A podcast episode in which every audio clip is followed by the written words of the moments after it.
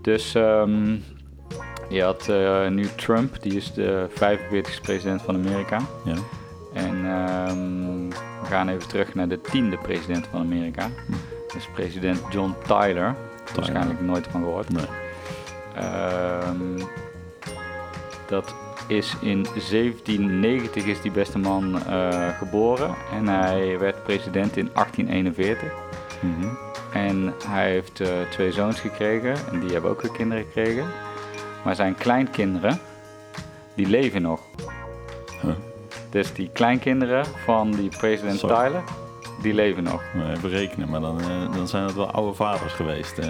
Ja, precies. Dus en ik dacht eerst, kleinkinderen zijn ook tamelijk oud. ik las dat en toen dacht ik, ja, dat kan toch helemaal niet. Een, een kerel die in 1790 is geboren met nog levende kleinkinderen. Ik bedoel, mijn vader, die is in 1941 geboren en Sarah is nou 11. Ja, dat je denkt, oké, dat zit nog ergens, eh, maar Ja. goed. Dus dat is twee, nee, drie generaties in in Ja. 230 jaar. Ja, dus ik had even de getallen op een rij gezet. Eh, John Tyler in 1790 geboren, werd president in 1841, was toen 51.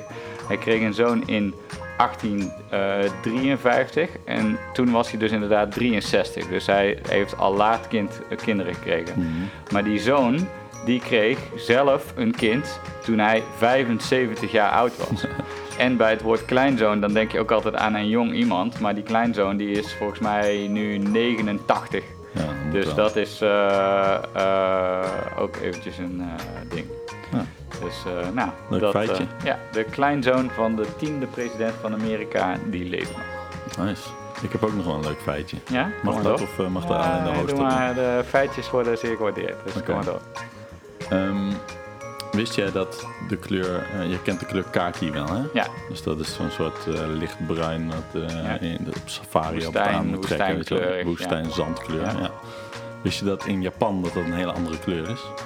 als in niet bruin. Klopt. Dus de Japanners verstaan onder kaki iets heel anders. Oké. Dus dat is heel gek. Ehm, Maar is dat een taalding of echt een interpretatieding? Dat is echt een interpretatieding. Zij hebben. Eh, de kleur kaki die komt eigenlijk van legeruniformen van eh, ehm, eh, de, de, Britse, de Britse Empire, zeg maar. Africa rulers. Precies, die zaten veel in Afrika, die zaten in India en die, ja, die hadden dat soort, dat soort kleding was praktisch. Kleding Mhm. met die lichtbruine kleur. Nou, en kaki werd eigenlijk een soort van synoniem met legergroen. Of Mhm. legerkleur, van, kleur van legeruniformen. En toen op een gegeven moment werd de US natuurlijk de, de dominant eh, power in, de- in de wereld, Ja. mi- militair gezien. En die Japanners die hadden gewoon een associatie, ja, kaki is legerkleur, legerkledingkleur. En dat is dus bij hun eigenlijk legergroen geworden. Wat wij Army Green, legergroen noemen. Hebben zij gewoon overgenomen als dit is kaki. Dit is kaki. Dus Dat is ook je, best wel logisch. als je zoekt in een webshop, een Japanse webshop op kaki kleding, dan krijg je alleen maar legergroene kleding. Maar wie doet dat niet? Ik bedoel, ja. ik heb iedere Ik dinsdag dat ik wel even denk, ja. eh, Japanse webshop. Maar wel een handige tip. Ja. Dus, beste mensen, als je zoekt in Japanse webshops en je bent op zoek naar een beige broek, Nou, eh, dan moet je niet... beige. Ja, maar dan moet je niet op kaki zoeken. Nee. Dan krijg je iets heel anders. Oké, eh, genoeg. Laten we beginnen met de podcast.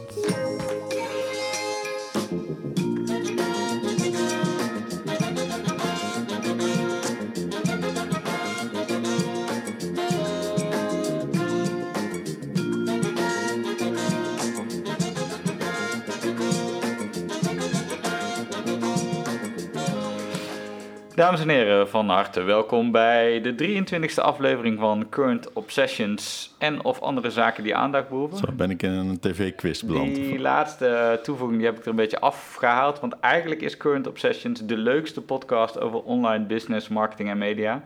Toch iets meer structuur, iets meer focus. Ehm, ik zit hier Heel met mijn focus. favoriete co-host Wouter. En voordat wij gaan beginnen aan het echte onderwerp wat wij voor vandaag hadden bedacht, wil ik eh, twee dingen behandelen. Eén is dat wij aan het einde van het jaar aflevering 21 hebben gemaakt. What the fuck just happened? We kijken terug op de ontwikkelingen van het afgelopen decennium. En beste luisteraars, schandelijk weinig van jullie hebben die aflevering geluisterd. Ik neem jullie niks kwalijk. Het was kerst, Nou. het was oud en nieuw. Maar als je nu zit te luisteren en je hebt aflevering 21 nog niet geluisterd, stop met deze aflevering. Ga terug naar aflevering 21. Luister eerst die. Ja, anders snap je hier niks van wat we Nee. nu bespreken. Zo, ja. Dus dat is, je kunt niet doorluisteren. Dat gaat gewoon niet. Dus Nee. doe dat gewoon even.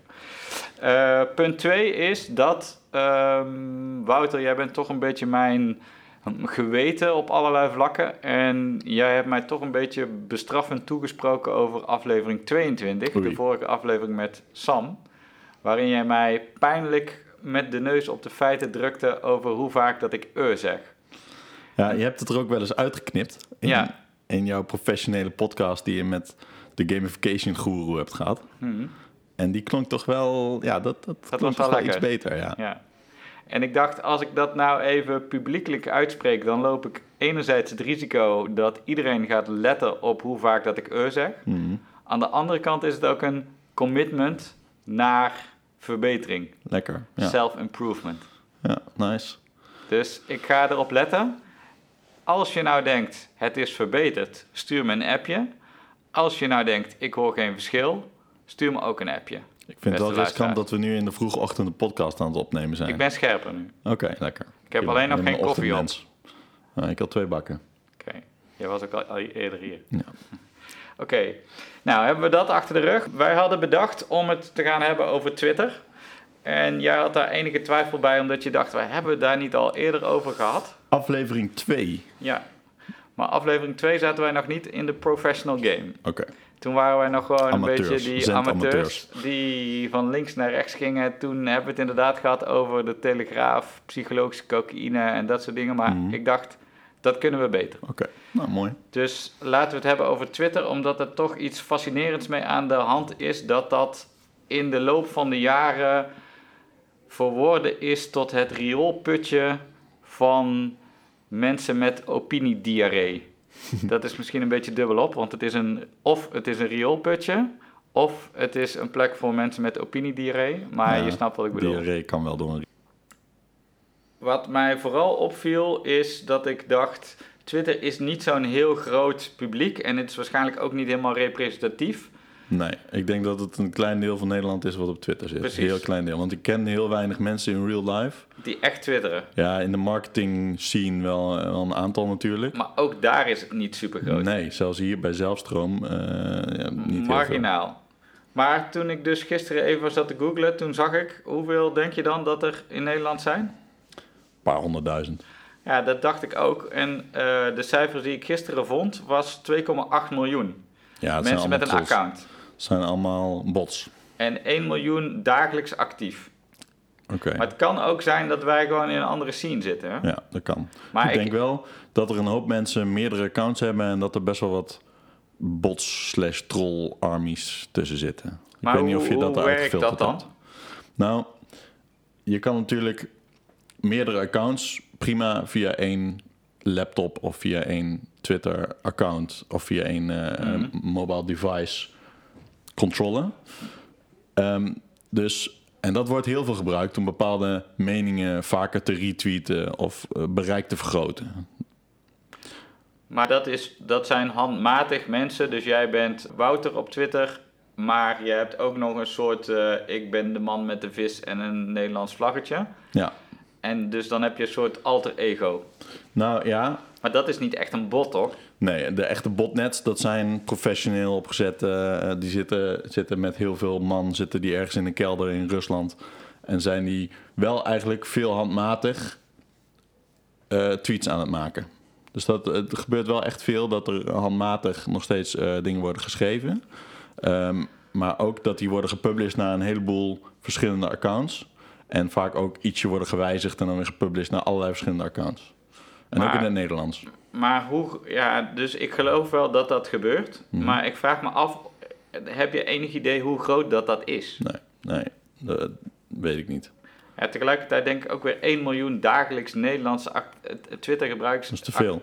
Geloof ik ook niet. Nee. Als ik ook in mijn eigen omgeving kijk, dan, dan denk ik ook nee. Dus dat, dat is best wel uh, toch een gek ding. Ja, er zitten natuurlijk, ik denk dagelijks actief, zitten waarschijnlijk ook een hoop mensen bij die gewoon Twitter lezen. Ja. Ik bedoel, ik ben zelf ook vrijwel dagelijks actief denk ik op Twitter, maar ik tweet, tweet heel weinig. Mm. Dus ja, dan, dan, tel ik daar wel bij mee. En ik denk dat er velen zullen zijn zoals ik, waar je niet zo heel veel van hoort. Uh, maar die zijn wel dagelijks aan het lezen. Dus dat, dat zou wel ja. kunnen hoor. Ja. Maar dus, mensen dagelijks Twitter lezen. Ik denk dus al dat we daar al een belangrijk punt te pakken hebben in dat hoe Twitter gebruikt wordt, dat er heel veel mensen lezen en er maar een hele kleine groep echt heel actief is. Ja, dus de grote groep wordt beïnvloed door eigenlijk een betrekkelijk kleine groep. Ja. Ja, dat is interessant. En er was een artikel in eh, De Groene, ik had het aan je doorgestuurd, die Mhm. dat verder had geanalyseerd. Ja, En dat vond ik wel een hele interessante, omdat dat ook een beetje een soort van hint geeft op waarom is het nou zo'n rioolput. En zij hadden bijvoorbeeld een lijst gemaakt van de 100 meest actieve Nederlandstalige Twitter-accounts. Mhm. En daar kwam uit, even uit mijn hoofd, dat ongeveer de helft daarvan echt, eh, zeg maar, extremisch rechts is. ja alt-right. Alt-right en alt-light noemen ze dat. Laten we daar zo nog even op eh, ingaan. Maar eens even kijken, die, eh, hoe zat het nou met die, eh, die groep? Dus ze hadden 50 van die mensen waren echt alt-light, alt-right. 25 daarvan waren media, top 100. media accounts. Mhm. Gewoon nu.nl, NOS, eh Voetbal Insight, dat soort dingen. Mhm. Dan had je nog een handvol influencers, mensen met een YouTube-account, gewoon een soort van celebrities, zeg maar. Mhm. Maar dat is dus best wel gek dat van de gewone mensen, tussen grote aanhalingstekens, de top, de top wordt gevormd door zo'n eh, eh, best wel rechtsige groepering. Ja, dus het kanaal is eigenlijk soort van overgenomen Ja, qua actieve gebruikers door alt-right. ja. Dat zou je wel kunnen stellen. Want merk je dat ook in je eigen Twitter-gebruik? Ja, 100%. Ja, ik zit natuurlijk wel in een andere bubbel in principe. ja? Ehm, ik zit wat meer aan de linkerkant van het politieke spectrum, dus ik volg ook wat meer mensen die dezelfde denkbeelden hebben. Maar ik merk wel, ja, je ziet heel veel van die alt-right content, omdat ook eh, mensen die ik volg daarop reageren, ehm, dat quoten. Ehm, het loont heel erg om de confrontatie op te zoeken op Twitter. Dus om zo controversieel mogelijk te zijn. Dus die alt-right mensen die zullen ehm, ja, eh, zo hard mogelijk met gestrekt been erin gaan in hun comments. Eh, aangaande migratie, klimaat, al dat soort eh, zaken. Om maar reacties uit te lokken. Dus eh, ze, ze lokken retweets en likes uit van hun eigen following, die heel groot is. Ja. En daarnaast lokken ze allerlei reacties uit. En reacties zijn eigenlijk het beste voor dat Twitter-algoritme.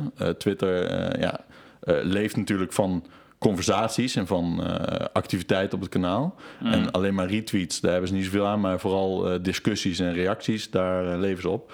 En ehm, ja, als die berichten gequote worden of als er heel veel op gereageerd wordt, dan krijg je een confrontatie, een discussie. En ja, dat is heel lekker voor het algoritme. Dus het algoritme gaat dat heel erg promoten. Ja. Ja, ik zie dus ook, en ik weet niet per wanneer dat dat ongeveer is gebeurd, maar ik heb het idee dat dat ergens het laatste half jaar is gebeurd. Dat je dus van die, zeg maar, tweets met veel interactie of controverse, dat die boven komen drijven, ook als ik die mensen niet volg. En ook als mensen die ik volg die niet actief retweeten. Nee. Maar dus stel eventjes eh, Geert Wilders, eh, die roept iets. En dan zie ik, eh, zie ik die tweet komen. En dan krijg ik die te zien, omdat een aantal mensen in mijn following, die volgen Geert Wilders. Ja, Die ja. volgen dat gewoon, die, die, die zijn het er niet mee eens, die reageren er niet op, die retweeten het niet. Maar ik krijg dat toch te zien. Klopt, klopt. Omdat Twitter denkt, hey, dit, eh, Dit zal wel interessant zijn. dit zou jou wel een beetje kietelen. Ja. Want eh, dit is waarschijnlijk iets waar je het eh, Ja. wel of niet mee eens bent, maar in ieder geval een uitgesproken mening over hebt. Ja, dus dit gaat jou kietelen, dus dit ga ik jou laten zien. maar daarmee word ik dus toch Dus blootgesteld aan die meer extremere meningen. Ja, En volgens mij zijn daar twee gevaren in. Eén is dat ik denk dat het extremere denkbeelden normaliseert. mhm. Ik denk niet dat het iets nieuws is, maar dat je, dat je, je wordt er meer mee geconfronteerd dat er mensen zijn die zo denken. ja. En twee is dat het, de media, de, de mainstream media, die kijken best wel veel naar wat er op Twitter gebeurt.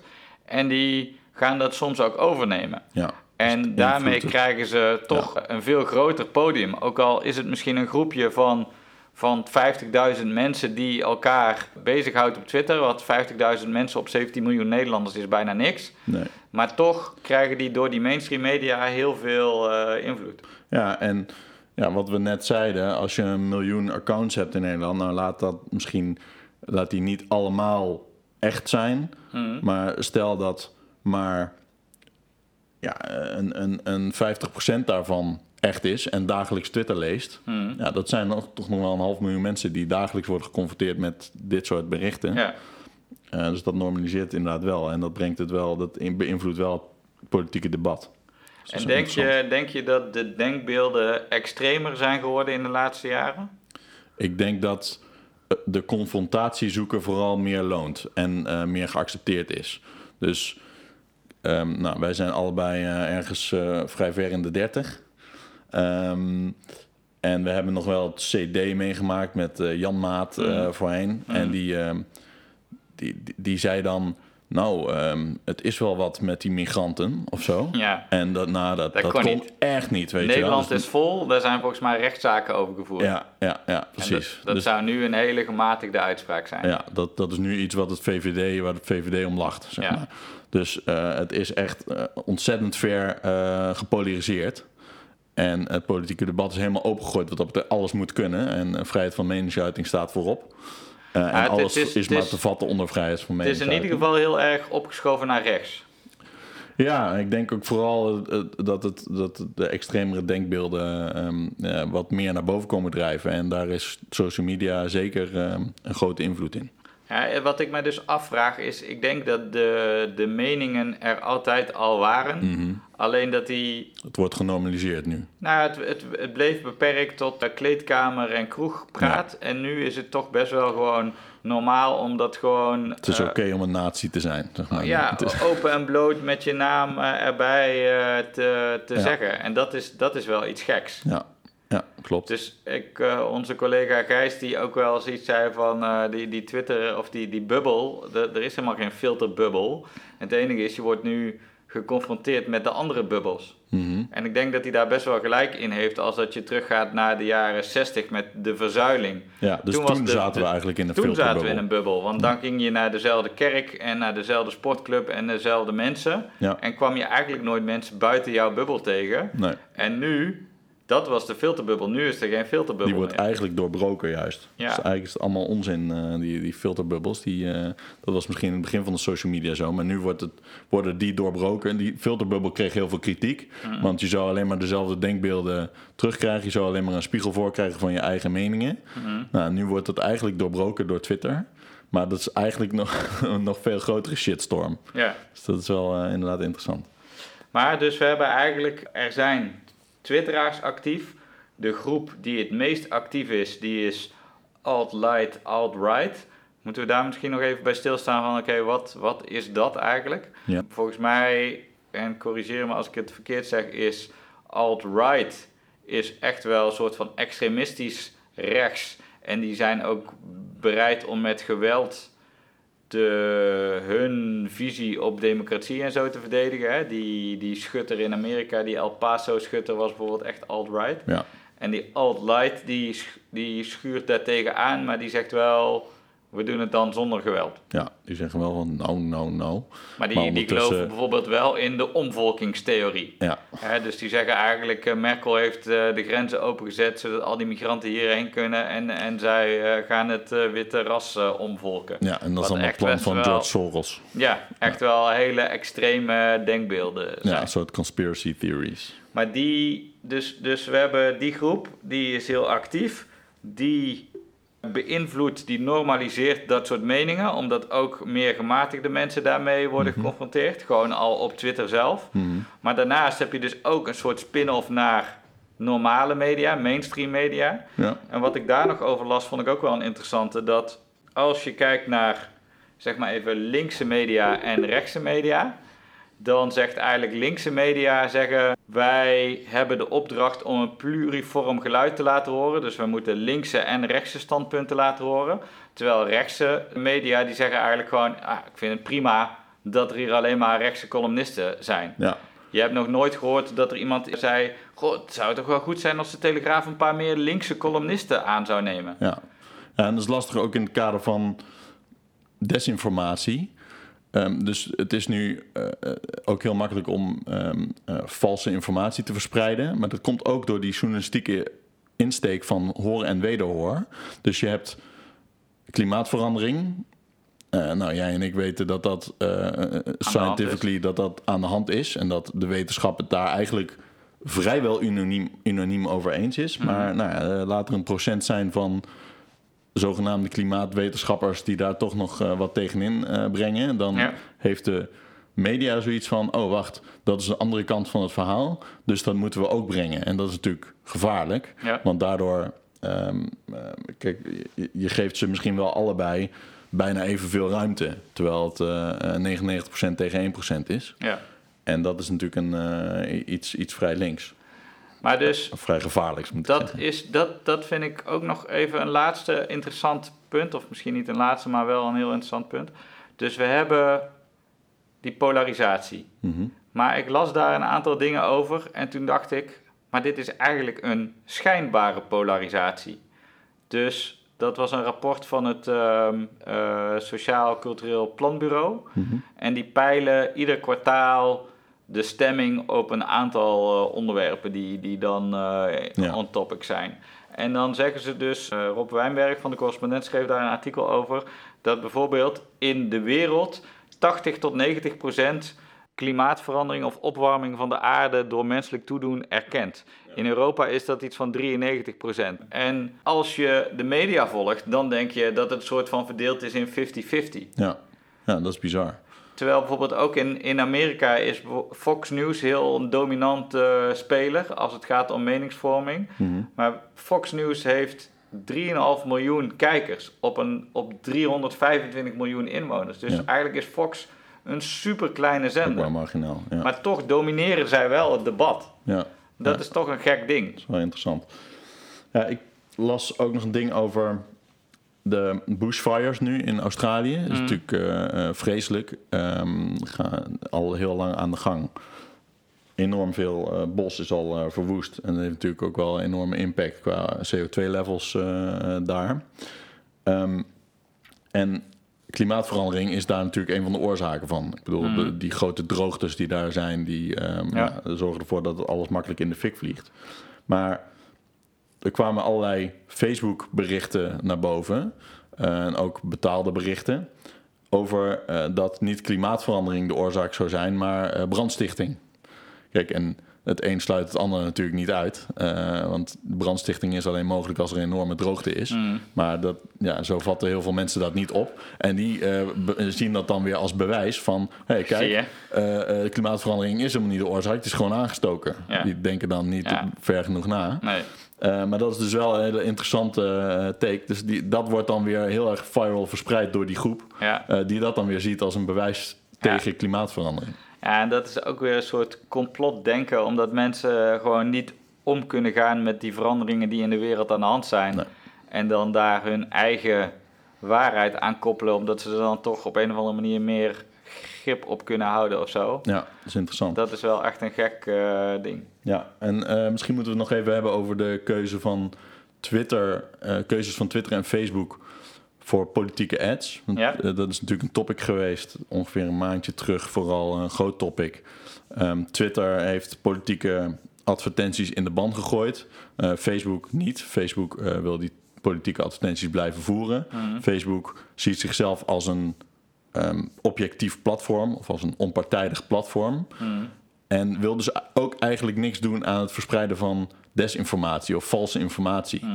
Dus daarom dat zo'n bushfire-artikel ook gewoon op Facebook eh, enorm eh, kan groeien. Mhm. Want dat soort ehm, ja, desinformatie kan natuurlijk eh, enorm ver gaan als veel mensen daarin Ja. willen geloven. Ja. En het is heel moeilijk om nog onderscheid te maken tussen echte informatie of, van, van betrouwbare bronnen en informatie die zeer Maar onbetrouwbaar wat is. vind je daarvan dan? Ja, eh, dat is een, best wel een lastige, want ik, ik snap eh, eh, Facebook standpunt wel enigszins. Van ja, wij zijn een platform. Het is wel, het is wel makkelijk om er zo over te denken. Maar ja, zij zeggen ook van ja, wij willen niet het politieke eh, eh, eh, debat beïnvloeden. Ja, dat doen ze dus eigenlijk wel juist door dit soort dingen toe te laten. Ik vind dat politieke ads, ja, het maakt eigenlijk niet zo gek veel uit. Want als je het hebt over Twitter... ehm, daar zijn ze dus wel verboden, dus je mag niet meer eh, politieke advertising doen. Maar wat natuurlijk wel heel makkelijk kan, is dat je ja, nepnieuws daar verspreidt. eh, doordat eh, iets je kan iets plaatsen. En als het dan maar genoeg amplified wordt door Mm. allerlei eh, volgers en allerlei mensen die daarin willen geloven. Mm. Of misschien wel botnets door het nog een beetje een fake push te geven. Dan kan je daar eigenlijk veel meer mee bereiken dan met een berichtje waar dan promoted onder staat. Want dat Ja. wordt eh, al gezien als hey, hier heeft iemand voor betaald. Dus het, eh, ja, het, het verspreiden van desinformatie en daarmee het beïnvloeden van het politieke debat. Misschien niet zozeer vanuit een politieke partij, maar vanuit allerlei andere eh, zogenaamd betrouwbare bronnen. Allerlei informatie over bijvoorbeeld eh, ehm, eh, migranten en eh, verkrachtingen en weet ik veel allemaal Mm. erin te gooien. Daar beïnvloed je het politieke debat mee, zonder dat je daar een politieke partij mee noemt of Nee, zonder precies. dat het politiek lijkt. Ja. Dus het is heel moeilijk om dat te scheiden. Moet je dan alle topics die politiek zijn uitsluiten van Ja. advertising en ook heel goed gaan controleren? Ja, dat is natuurlijk best wel moeilijk voor zo'n platform. Ja, en, en, maar dat is ook een beetje mijn punt, ook met Facebook. Van, stel dat jij zegt, immigratie is goed en ik zeg, immigratie is slecht. Wie, en daar kunnen we allebei argumenten voor aanvoeren. Klopt, dat is, dat is een mening. Dus een mening en dan is het ja, misschien ook een politiek statement. Maar beide meningen mogen bestaan. Dat klopt. Maar ik vind dan wel dat als je daarbij informatie aanvoert, dus als je daarmee Argumenten. argumenten ehm, eh, met data bijvoorbeeld wil onderbouwen, dan moet die data kloppen. Ja. En daar moet eh eh, hoor en wederhoor op gebeuren. Eh, true. Maar dan ook zelfs dan nog is het heel moeilijk om dingen te scheiden. Want dan kan ik ook selectieve bronnen aanvoeren. Mhm. Ja, want dat, dat zie je gebeurt natuurlijk ook met, met klimaatverandering. Dus dan zeggen ze, ja maar luister, dit is een wetenschapper die dit heeft gezet. En dan zeg je, ja maar oké, er zijn 99% van de wetenschappers is het hier niet mee eens. Ja oké, maar het is wel een wetenschapper die dit zegt. Ja. Aan een gerenommeerde universiteit. Dus eh, dit is een fact. Ja. Dus daar, en dan heb ik dus ook dat ik denk, dus dat lijkt me al een hele moeilijke. Dus daarin snap ik alweer iets beter het statement van Facebook. Aan de andere kant denk ik ook bijvoorbeeld met Twitter, die dan politieke advertenties bant. Oké, stel nou dat ik een energiedrankje op de markt breng, gericht op eh, tieners, wat super slecht is. Mhm. Ja, oké. Nou, dat is geen politiek, dus dat mag dan wel. Nou, dan krijg je dadelijk stemmen dat zeggen, ja nee, eh, dat, dat is slecht voor eh, kinderen, dat mag ook niet.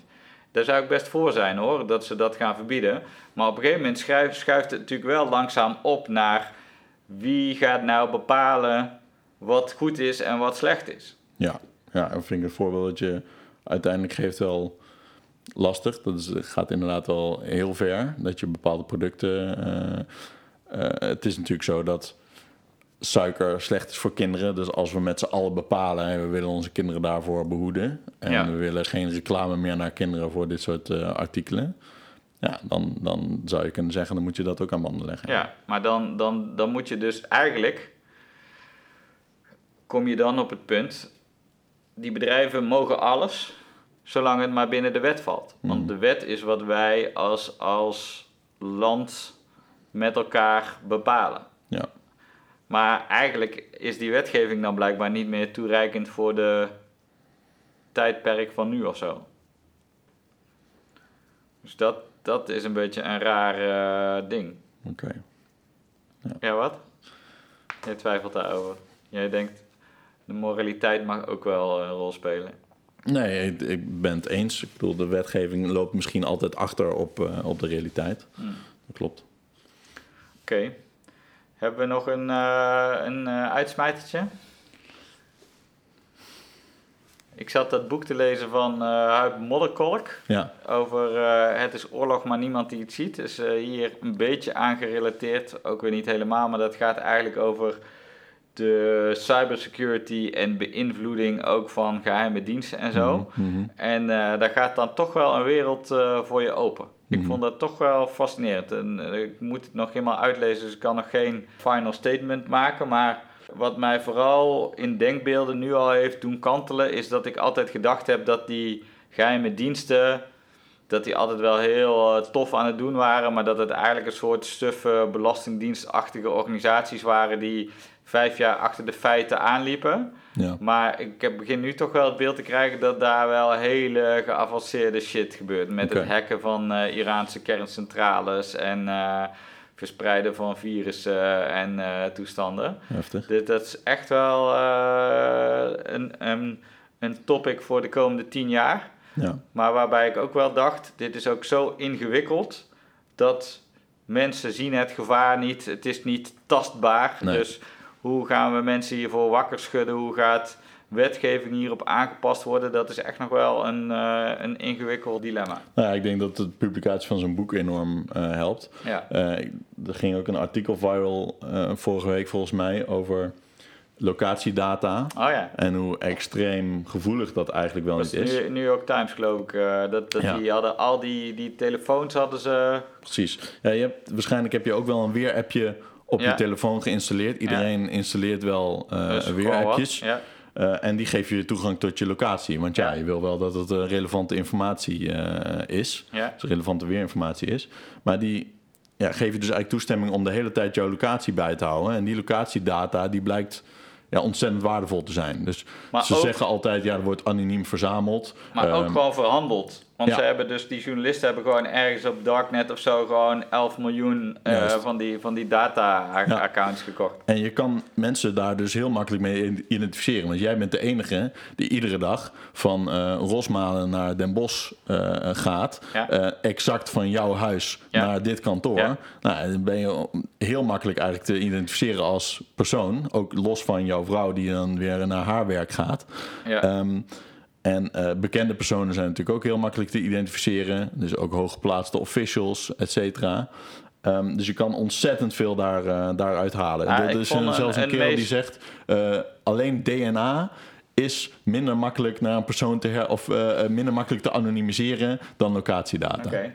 Nou, ik vond het meest sprekende voorbeeld daar nog uit dat ze, ze hadden een telefoon die dan in de White House eh, rondliep. Mhm. En eh, nou hebben ze volgens mij nog wat verder op ingezoomd. Het bleek een beveiliger te zijn van Trump.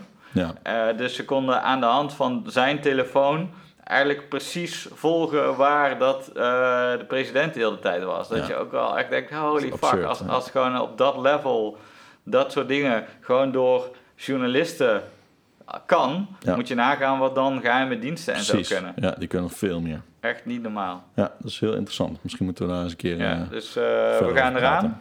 Twitter gaat eraan, democratie gaat eraan, alt-right, alt-right nemen over, infecteren de mainstream media. We hebben ur gezegd, we hebben geen ur gezegd, we hebben dingen gedaan. Dit was in ieder geval aflevering 23. Ik eh, hoor jullie graag volgende week weer. Jullie niet, maar jullie horen ons. Bedankt voor het luisteren en tot de volgende keer. Ciao.